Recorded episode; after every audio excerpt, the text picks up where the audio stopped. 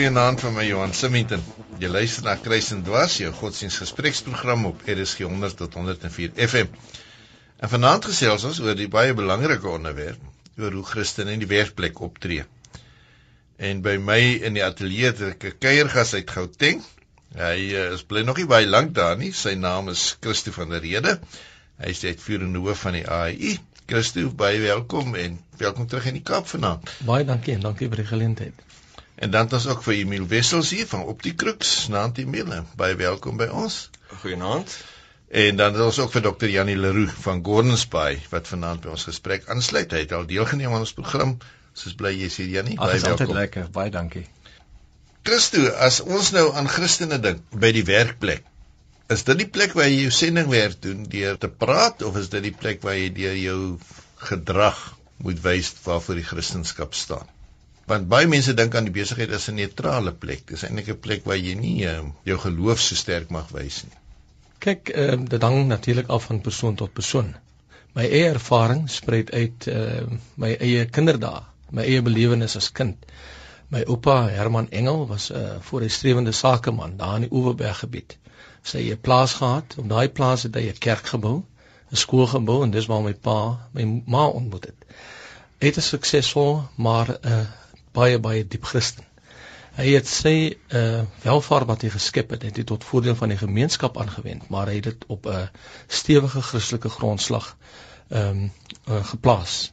Uh ons het daarna verhuis Elim toe, 'n klein sendingstasie, Morawiese sendingstasie en ek kan as kind onthou hoe ons saans by sy voete gesit het ons daar gaan kuier. Ehm uh, hy het elke aand was hy godsdienste instelling. Ehm um, en die hele familie was teenwoordig. Ek dink nie jy kan die twee altyd skei nie, maar die een uh Christendom in die waters waarmee uh, gepaard gaan.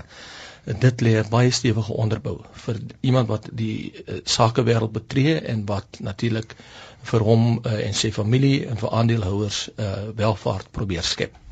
Die twee is geïntegreer, uh, maar elkeen het 'n besondere plek. Emiel, kyk by my sal sal sê, jongens, ek besigheid doen doen ek besigheid, want as ek die Christelike beginsels moet gebruik of vir al die Ou Testament se waar ek nou nie mag rente vra as ek vir iemand geld leen of so nie, dan sal ek nooit 'n besigheid kan bedryf nie. Want ek moet wins maak. En, en so ek het aan die een kant het ek klomp praktiese goed hoe ek besigheid bedryf en aan die ander kant is ek gelowig. So my Sondag en my Maandag lyk so 'n bietjie anders. Hoe sien jy daarna? Ek dink daar's ongelukkig baie mense wat so dink dat uh, ek dink in die werkplek vind mense baie keer dat daar skokkend min verskil is tussen hoe 'n Christen optree en hoe enige iemand van 'n ander geloof of 'n wêreldling sou optree. So ek dink daar is 'n geneigtheid om dat mense hulle lewe eintlik kompartmentaliseer en dat die werkplek nie is waar hulle hulle Christendom uitleef nie. Maar as mens nou gaan kyk wat Paulus byvoorbeeld sê dat vir hom is die lewe Christus, dan is dit vir my baie duidelik dat mens veronderstel is om jou Christendom oral uit te leef, dat jy is oral 'n Christen in dan nou jou optrede. So alle Christene is veronderstel om uit te verkoop te wees aan Jesus Christus en is eintlik in voltydse diens. Party is in voltydse diens as predikante, party is in voltydse diens as sakemanne. So dit dit moet noodwendig moet die manier wat jy optree of jou kristendom moet neerslag vind in die manier wat jy optree by die werk en selfs op die sportveld of enige ander plek in jou lewe. Maar Jannie wat ek nou nie verstaan nie, ons in die land is 'n geweldige klomp Christene wat ook in die sakewêreld is en die regering is ensovoorts. 70% van die land dink ek sê hulle is behoort aan die Christelike geloof. Maar hoekom sukkel ons dan so met korrupsie en met allerlei onheilighede wat plaasvind binne ons privaat en publieke sektor? Ek het alself gewonder daaroor. Um, ek is nie oor die duiwel agter elke bos soekie, maar sam ergens het die duiwel ook of die boosheid van mense ook 'n oorhand wat dit sommer kry. En ek dink dit is juist omdat mense hulle lewe nie geïntegreerd leef nie. As Paulus dan kom sê, maar wat jy ook al sê of doen of dink, uh, doen dit in die naam van die Here dan is dit asof mense 'n blinding opsit na wanneer hulle in hulle werk instap en dan het hulle 'n soort van 'n tweede lewensbeskouing wat eintlik hulle lewensbeskouing is. Want ek dink jy kan nie goed losmaak die leierskap het te doen met ehm um, inspirasie waar jy mense na na goddelike hoogtes toe vat om dit so te stel en dit te doen met identiteit wie jy is en dan uiteraard met jou impak. Nou wat hier is daar lyk vir my so 'n kortsluiting tussen die inspirasie deel en identiteit en dan uiteindelik die effek of die impak wat ons dan het.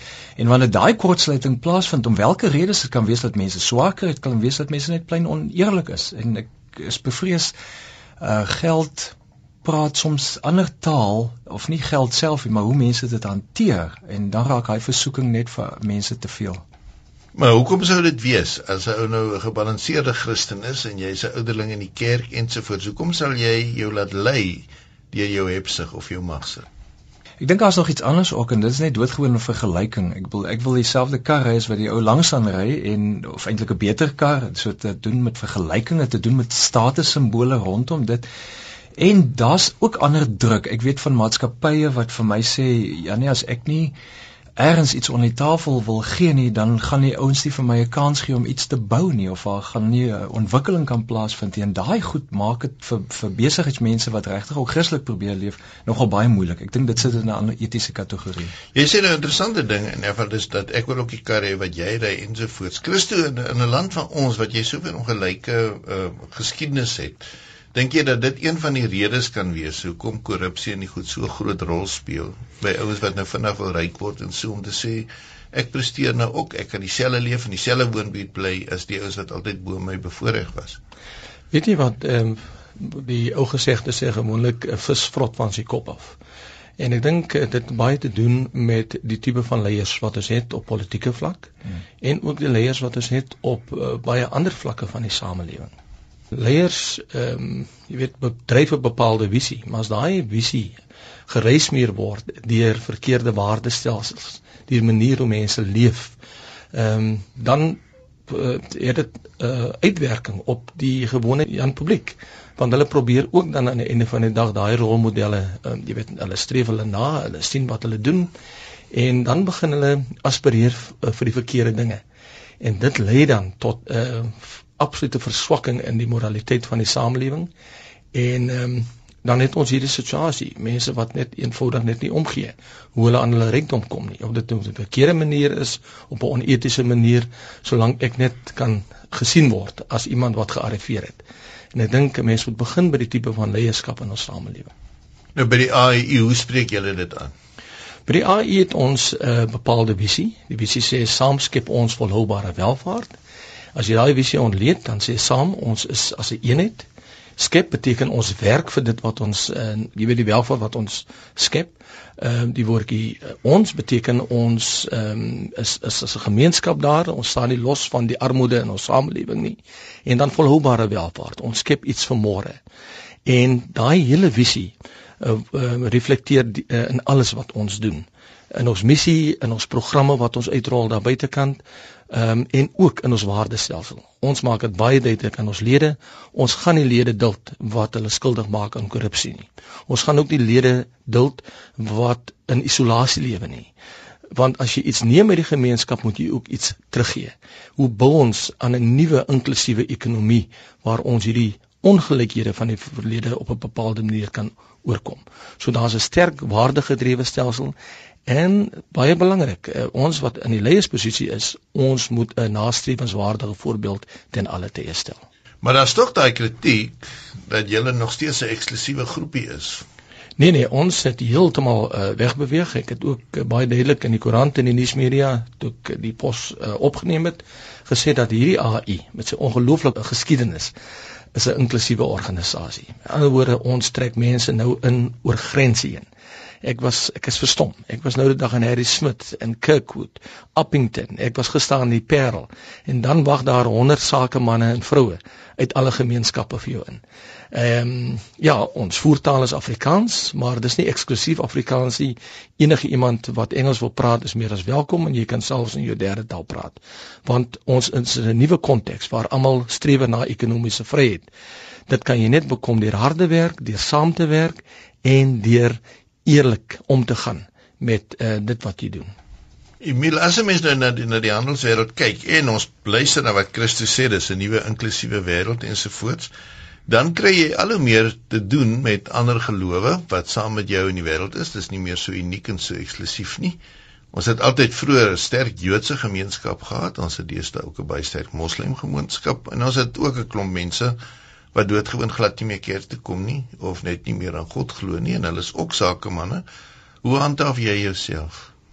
Wel ek, ek net om terug te gaan na die vorige aspekte, ek dink een van die eerste goed wat mense in gedagte moet hou is dat alhoewel 70% van die land se bevolking sê dat hulle Christene is, is almal wat sê dat hulle Christene is nie werklik Christene nie of leef nie hulle Christendom uit nie of is nie werklik eh, geredde wedergebore kinders van die Here nie. Dit is wat iemand op 'n sensusvorm invul. So mense moet nou, ek dink eerstens daardie onderskeid maak tussen hoeveel is nou werklik uh, gelowiges en hoeveel sê bloot dat hulle is. Ek dink op die ou end om jou vraag te antwoord, hang dit baie af van hoe jy optree want jy kan nou baie openlik in die werkplek probeer uitstaan as 'n Christen, maar as jou optrede nie daarmee strook nie, doen jy eintlik baie skade. En ek dink as jy werklik die vrugte van die Heilige Gees vertoon, dan gaan jy so anders wees dat mense jou op die ou en daaroor gaan uitvra, dan sal mense sien jy is anders. En dit is net bloot dink ek belangrik om maar heeltyd daardie Bybelse beginsels uit te leef. Janie, by ons deesdae voor ons nie net by die werkplek nie. Ek sien dat daar so algemene ordeloosheid eintlik in die samelewing ingetree het. Uh, ek vat maar 'n kans by die stopstraat en ek ry maar oor die rooi robot. En ek druk in bo aan 'n kar of ek ry teen die geels teen die vaste streep op die pad oor. En dit lyk asof dit nou die norm van die dag is. Gee Christene hulle daaraan oor of wat maak hulle nou? Jy praat dalk met die verkeerde ou want ek is self haastig van geaardheid. Kom ek uh, formuleer so Rudy Giuliani destyds mos daai broken window beginsel gehad om te sê man al kom was 'n ou net buite orde jou kar se venster dan vat hulle al sy vingerafdrukke net om te keer vir die ander goed. Maar dis ingebed in 'n groter waardesisteem en ek dink wat in ons land in die gebeur is daar's 'n persepsie van korrupsie. En dan raak dit soos van um, enigiets kan nou maar gebeur en as ander ouens dit vat dan net ek die persepsie ek moet dit ook sommer doen sodat jou Christen makliker op ander vlakke begin glip, nie doelbewus nie. Ek dink dit raak maar so half deel van die ander ou doen dit. Okay, ek modelleer dit net maar op 'n manier sonder maar oor na te dink, maar ek dink daar's regtig 'n diepere etiese refleksie oor leierskap nodig. Christus het nou nou daarvan genoem. Ehm um, en mense dink leiers is die ouens altyd net daar bo saam ergens.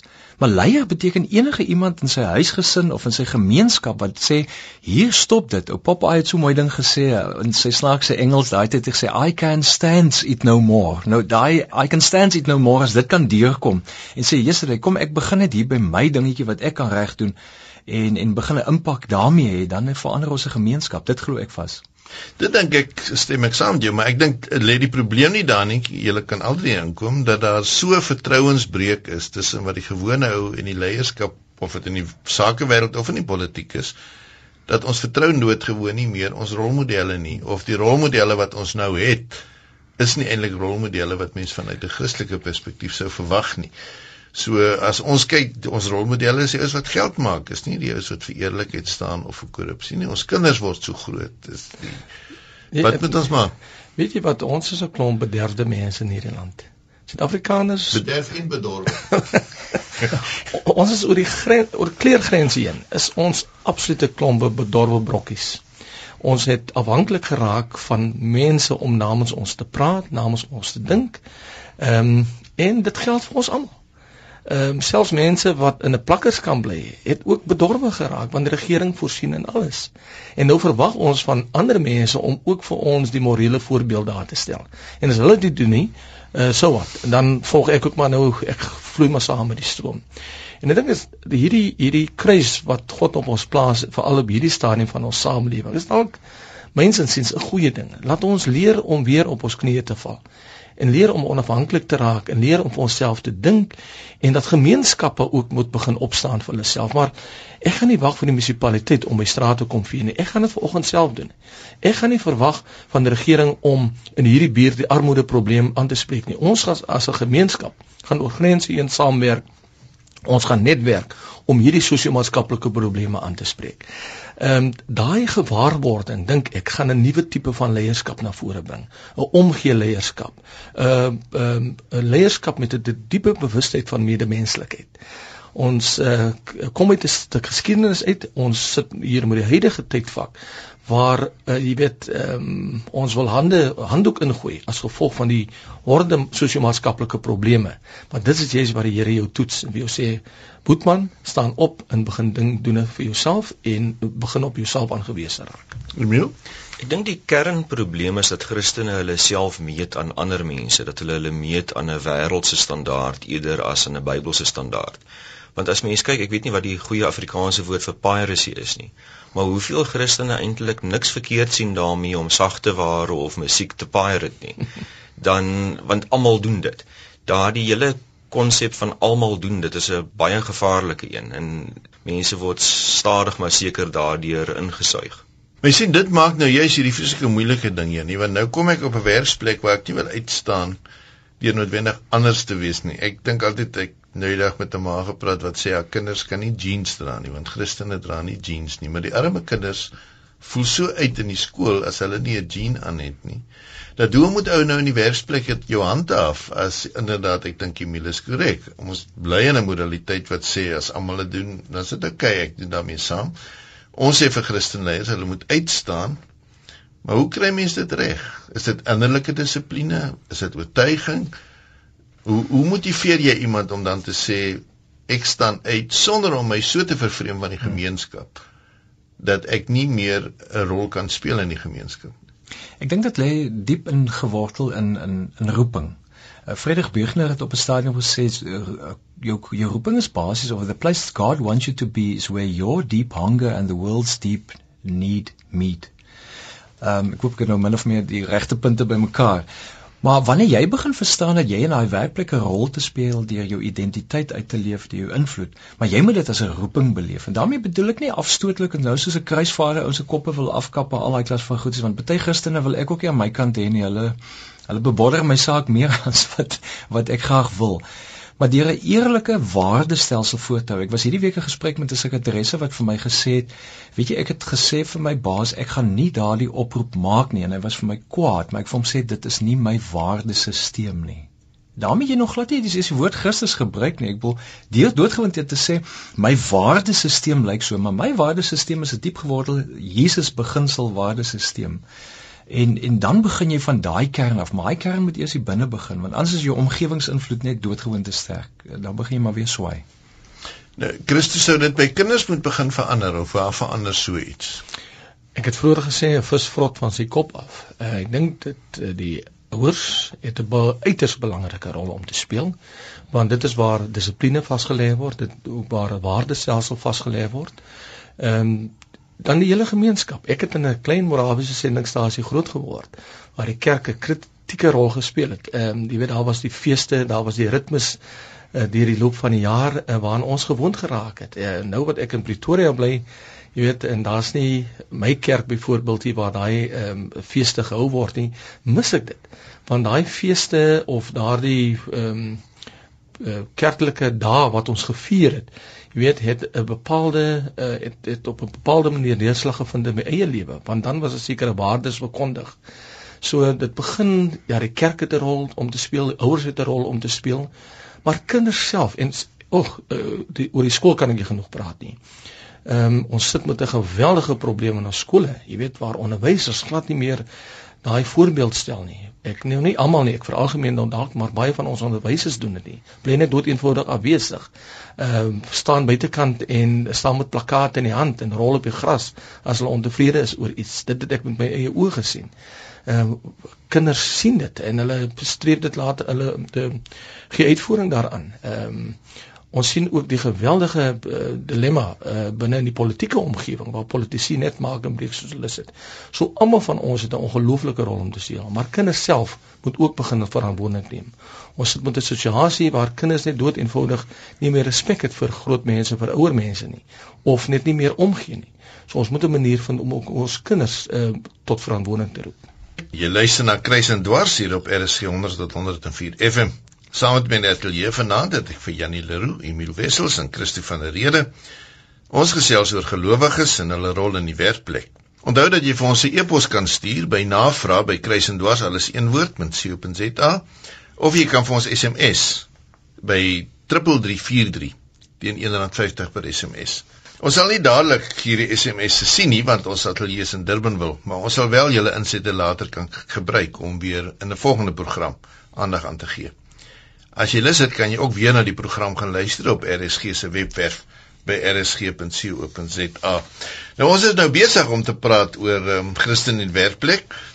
'n Interessante ding vir my wat dikwels steekom is uh, Jannie, jy het nou nou vinnig daarna vernoem dat as ek nie in 'n sekere sin vir iemand help onder die tafel deur nie kry ek net nie meer die kontrakte nie. So ek tender, maar ek tender waar ek in my tender inbereken dat ek 'n bepaalde bedrag onder die tafel sal deurgee. En baie ouens sê vir my dis standaard praktyk vandag.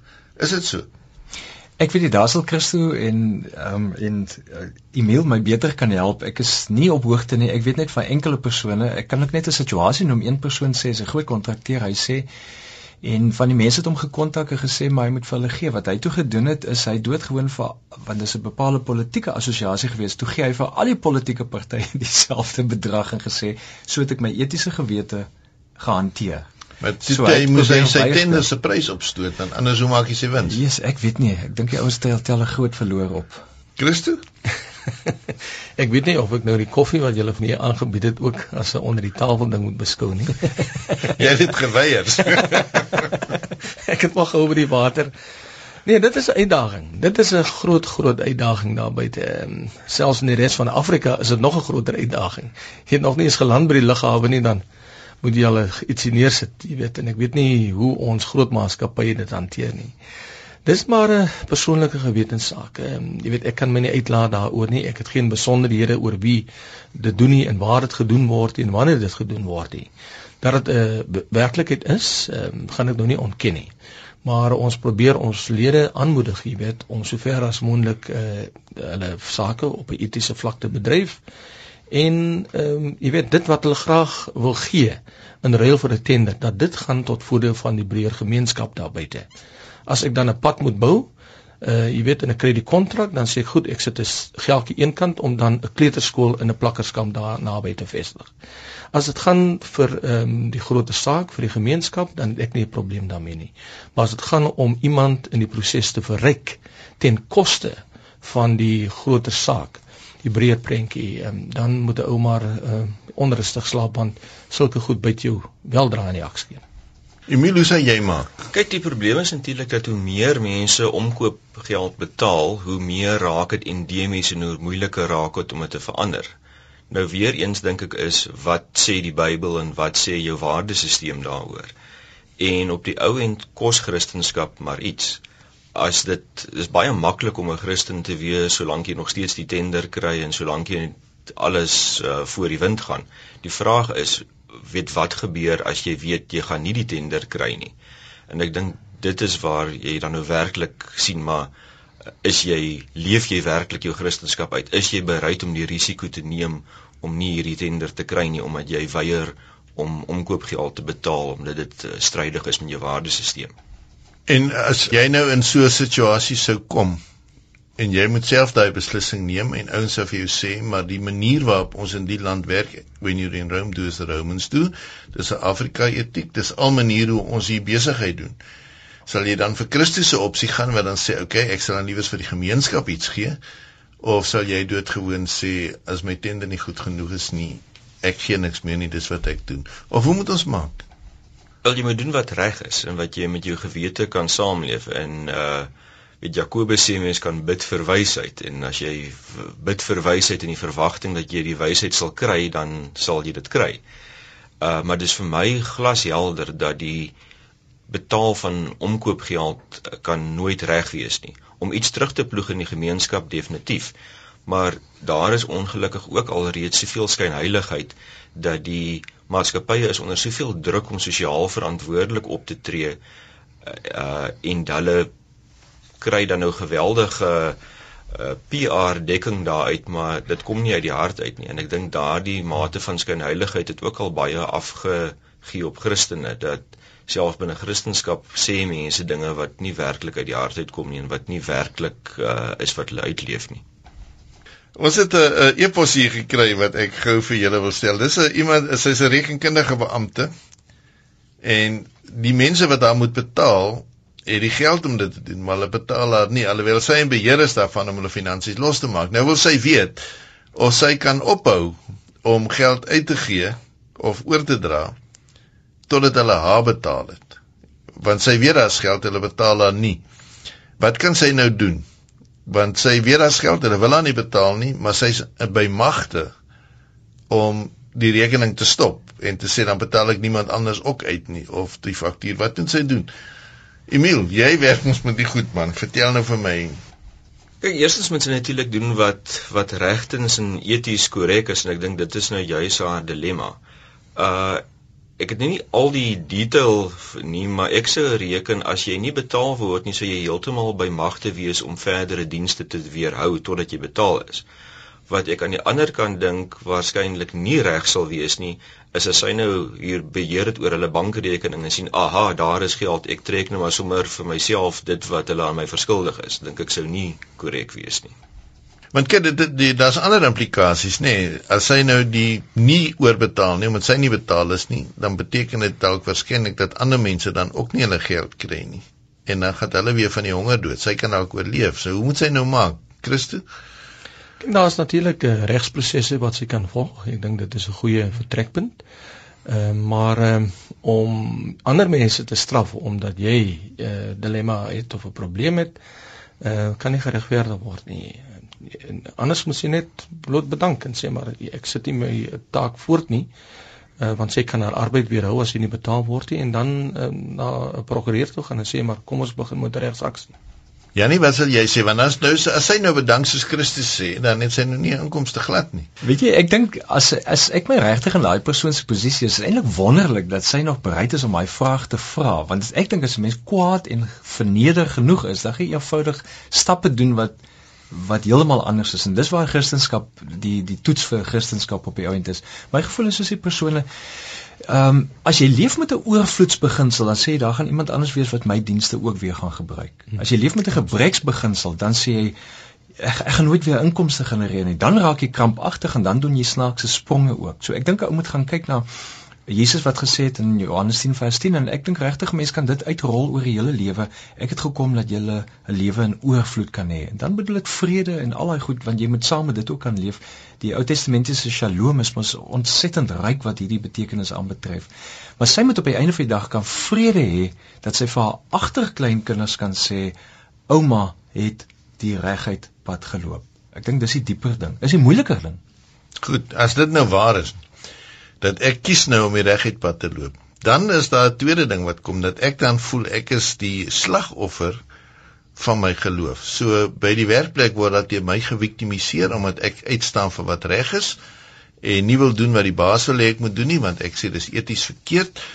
Kan 'n Christen voel dat hy die slagoffer word van sy eie geloofsvertuiging?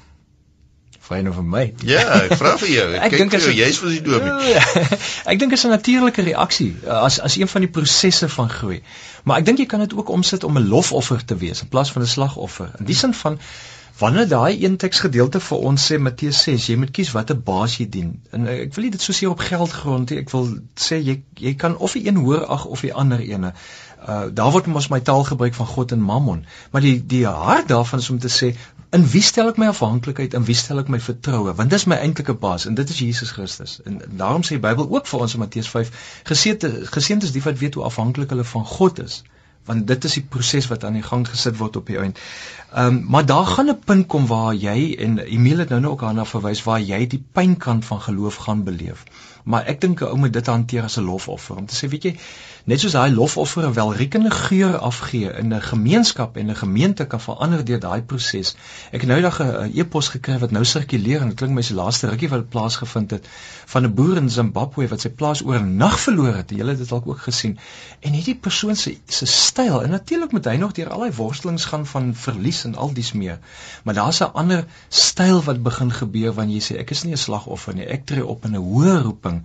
Ek volg 'n hoër doel, 'n hoër pad. En dan kom maar snaaks genoeg van God se kant af dink ek kreatiwiteit en moontlikhede wat na jou kant toe kom wat nooit van tevore vir jou oog oop was nie. Dit dink Christo, ja, dankie Jannie, ek hou baie van daai antwoord want dit dink ek is baie keer die kritiek teen Christene dat hulle 'n negatiewe faktor word binne 'n maatskappy of 'n werksomstandighede en alles op alles krities is en kla en sê omdat dit is is nie reg nie en dis so en dis so maar dat hulle eintlik niks positiefs bydra om die gemoedstoestand van daai maatskappy of sy etiek of sy geestesgesondheid te verbeter nie. Nou dit gebeur met ander geloofsgroepe ook wat dit doen. Is nie net Christen nie. So gelowiges in die werksplek het dikwels daai ding as ek my afsonder, dan beteken dit ek is negatief teenoor die ander. Weet jy wat uh, bitterheid en negativiteit en onvergewensgesindheid is kankers. Dit vreet jou van binne af. Dit maak jou dood. Ek kan sien, jy weet mense wat uh, onder apartheid gelei het en wat nou in die nuwe demokrasie opstaan en sê maar ongeag die bitterheid van die verlede gaan ek 'n versoenende rol speel, gaan ek mense bymekaar kry, gaan ek ehm um, jy weet 'n nuwe toekomsvisie van inklusiwiteit, van rassigheid begin dryf. Uh daai mense is die skepende mense in die samelewing. Ons sien dit oral oor. Die wat vaskleef aan die bagasie van die verlede, hulle leef in isolasie, hulle leef in soveel bitterheid. En ek sien dit in die AHI. Dit is ongelooflik. Waar sakemanne en sakevroue jy weet hulle is vandag die slagoffers van regstellende aksie. Hulle is die slagoffers van hierdie uh, swart ekonomiese bemagtigingswetgewing. En dan kom daardie mense met nuwe idees. Hulle sê goed, ek kan vaar. Ehm um, ek moet vandag met minder klaarkom, maar ek gaan nou my talent aanwend. Nie net tot voordeel van myself nie, maar van die breë gemeenskap. En weet jy watter energie, kreatiewe energie kom los in daai mense? Harry Smith, Kirkwood, ek kan die plekke noem waar hierdie sakemanne begin opstaan en sê, maar ek gaan nie toelaat dat hierdie swak dienslewering van die munisipaliteit die dorp onderkry nie. Ek gaan saam met hulle nou hande vat sodat ons die watertoevoer kan regkry. Ons die rioolprobleme kan aanspreek, die slaggate in die paaie. En as daai aksies begin inskop, kom daar 'n totale nuwe dinamika los. Uh, tot voordeel van die hele dorp en al die mense.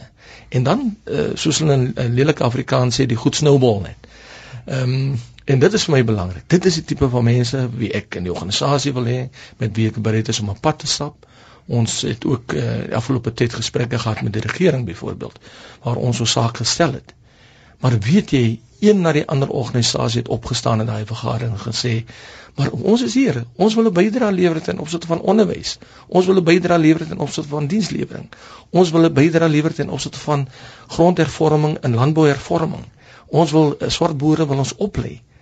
En dan haal hierdie engele die gesprek het. Dan sit daai uh hoofmanne van die ANC se stom geslaan. Want hulle gedink dis die vyand. Hier ontdek hulle groot vriende as die kan jy nie kry nie.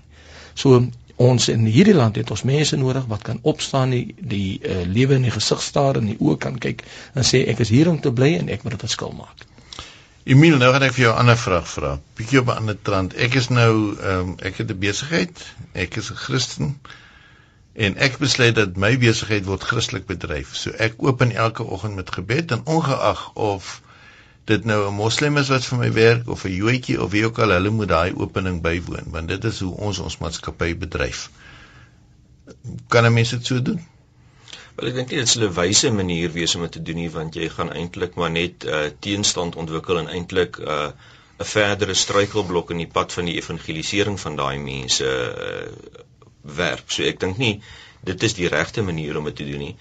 Uh as jy dit op 'n vrywillige basis doen en sê maar daar is elke oggend te bid hier, dan dink ek is dit 'n baie goeie idee. Maar weer eens hoe openliker jy uitstaan as 'n Christen in die sakegemeenskap, hoe belangriker is dit dat jou huis in orde is, dat daar nie dan enige vinger na jou gewys kan word en daar iets is waar jy eintlik skade aan die Here se naam doen nie. Uh so ek dink dit is dis 'n baie belangrike aspek. Janie, wil jy daar aankom? Ehm um, ek het 'n vriend wat nou redelike groot maatskappy het eh, wat internasionaal ook is en interessant die mense begin saamwerk omdat hulle weet hierdie persoon leef met integriteit. Ek dink dis wat Emil probeer sê eh, of ek hom hoor. Ehm um, wanneer jy met integriteit leef, dan gaan jy nie goed op mense afdwing en wat ook al nie. Maar daar's tog 'n spreekwoord wat ook sê soort soek soort. As iemand voel hierdie beginsels in die maatskappy, jy's ek kan nie hier inpas nie, dan gaan daai persoon 'n ander werksgebied uh soek. So dis belangrik dat jy as as leier van die maatskappy vandag een af sê dis wie ek is, dis my waardestelsel, dis waarmee ons leef in hierdie maatskappy dat die persoon wat inkom weet dis waarvoor ek my inlaat en en dan draai jy jou gewig oor op op dit maar ek dink jy moet regtig iemand forceer nie want dan raak dit 'n nagmerrie op die ount. Uh, Christendom was nog altyd vrywillig Op Jesus het niemand geforseer nie. Hy het almekaar gesê maak 'n keuse. Maar bereken ook daai keuse want jy jy moet weet waarvoor jy inlaat. Maar nou kry jy 'n ander opsie weer dat jy is by 'n werkplek en dan is daar 'n klein groepie wat 'n bepaalde Christelike oortuiging het wat dan 'n bidduur begin of hulle is tussen etensuur doen hulle dit en hulle begin traktaatjies op ander se tafels neersit. Kan nou dit doen, Christo? jy vra klomp hoërgraad vrae vandag, né? Ehm um, die die konteks waarin Christene opereer. Jy weet, uh, is vir my dit is belangrik. Mense moet die vermoë kan hê om te, die situasie te kan lees. En belangriker nog is die konsekwentheid van jou optrede. Dit help nie jy sê maar ek is 'n Christen, ek is 'n Christen baas en dan doen jy klomp goed wat aan die einde van die dag, jy weet, heeltemal teenstrydig is met jou Christendom nie. Ehm um, en ek dink is belangrik ook vir mede-Christene, jy weet uh, wat uh, poste beklee binne 'n bepaalde konteks om uh, jy weet baie baie versigtig om te gaan met hoe hulle hulle Christendom jy weet probeer uh verkoop aan ander mense want dit gaan jy weet as jy begin traktaatjies uitdeel of mense oproep na gebed sessies toe dan verkoop jy natuurlik jouself in die proses. Ehm um, doen dit op so 'n wyse dat mense aangetrek word en nie weggestoot word nie. Uh wat die inhoud daarvan betref, kan gaan ek nie nou daaroor uitbrei nie, maar ek bevestig dit net weer. Doen dit op so 'n wyse dat mense aangetrek word en dat hulle wil deel wees daarvan. En leef dit konsekwent uit, want aan die einde van die dag word jy geken deur die lig wat jy uitstraal. Ja, bietjie op 'n ander vlak, ek vra sommer vir julle want dit interesseer my. Die staat het altyd die Christelike feesdae beskerm vir die sake sektor ook jy het 'n amptelike publieke vakansiedag byvoorbeeld vir hemelvaart gehad. As 'n ou terwyl die ander godsdienste was nie so deur die staat beskerm nie. Ek dink daar word voorsiening gemaak dat hulle een of twee dae amptelik verlof mag neem vir een of ander feesdag. Maar as hulle Christen byvoorbeeld op hemelvaart 'n dag se verlof insit omdat sê dit is vir my 'n belangrike Christelike fees en ek sit liewer my verlof in as om te kom werk op daai dag ongeag of die staat my dag beskerm of nie. Ja nie? Ek dink dis 'n dis 'n etiese pad om te loop want die staat het ges, of ons het nou nog gepraat van land met 70% Christen so uiteraard sal die Christelike daar bietjie meer beskerm wees as gevolg van die profiel van die land doodgewoon. Maar ek dink wanneer jy dit as 'n ernstige dag beskou, dan kan jy uh, dit doen. Nou moet ons ook weet ehm um, die dag is nie die mense is nie ter wille van die dag geskep nie. Jesus op 'n stadium in terme van die Sabbat geskep. As as dit op 'n manier geskeduleer word wat 'n totale nag is, dan sou ek sê hou jou hemelvaart 'n dag vroeër of 'n dag later ook, maar binne jou eie verloftyd dan. Wat vir my belangrik is is die werk is nie die kerk nie. Jy leef wel jou invloed uit in die werk, maar ons het elkeen 'n ander speelveld waarmee ons speel. En dan gaan ek nie dat mense dit heeltemal nag maak vir mekaar soos julle ook nou nou gesê het binne 'n bedryf in in in 'n godsdienstige oppositie begin vorm nie. Dan verloor jy heeltemal die sin waaroor alles gaan in jou werksplek. Maar nou aan die ander kant, moslim mense maak hulle winkels toe op Vrydag as hulle gaan bid op die besigste tyd wanneer die naweek begin. Maar Christene sal enige dag hulle besigheid oopmaak. Sondag is ons almal se winkels oop en ou kan maar by ons kan koerante koop en alles terwyl ons eintlik dink dat mense nie moet handel dryf op Sondag nie. Emil, hoe moet ek nou dit hanteer?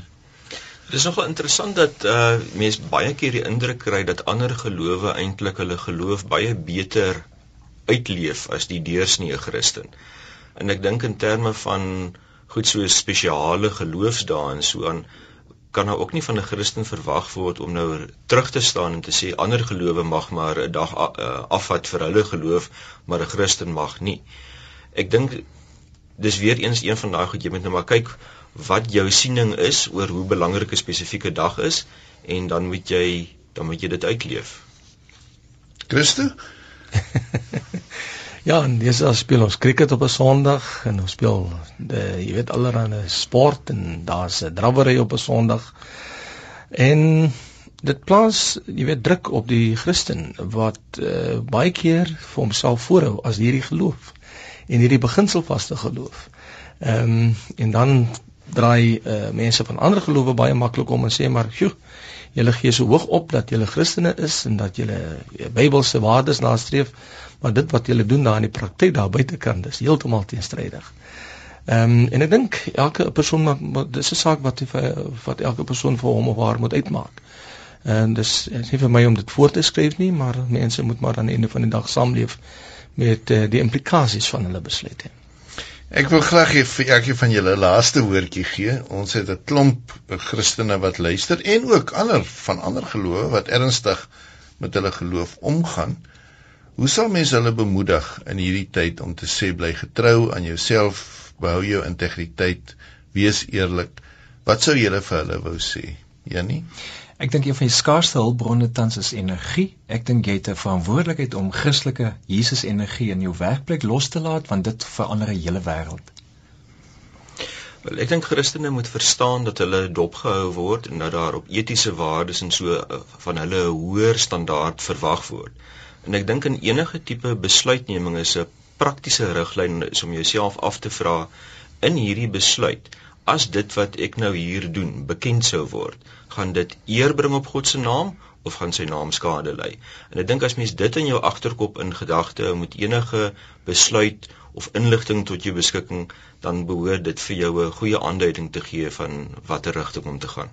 Christo, laaste woord van jou.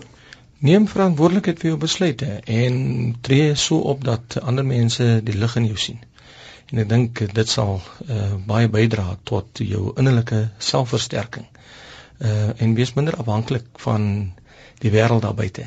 Ehm um, leef ehm um, soos God dit behaag en dink dink dinge sal baie baie voorspoedig gaan in die proses. Baie dankie. Het geluister na klompie wyse manne. Ek sê dankie vir Janie Leroux, vir Emil Wessels en vir Christie van Rede vir julle deelname vanaand hier by ons.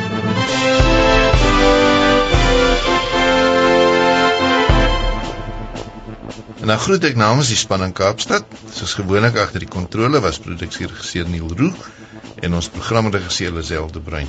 Dankie dat jy ingeskakel het. Tot volgende week van my Johan Sementen. Totsiens.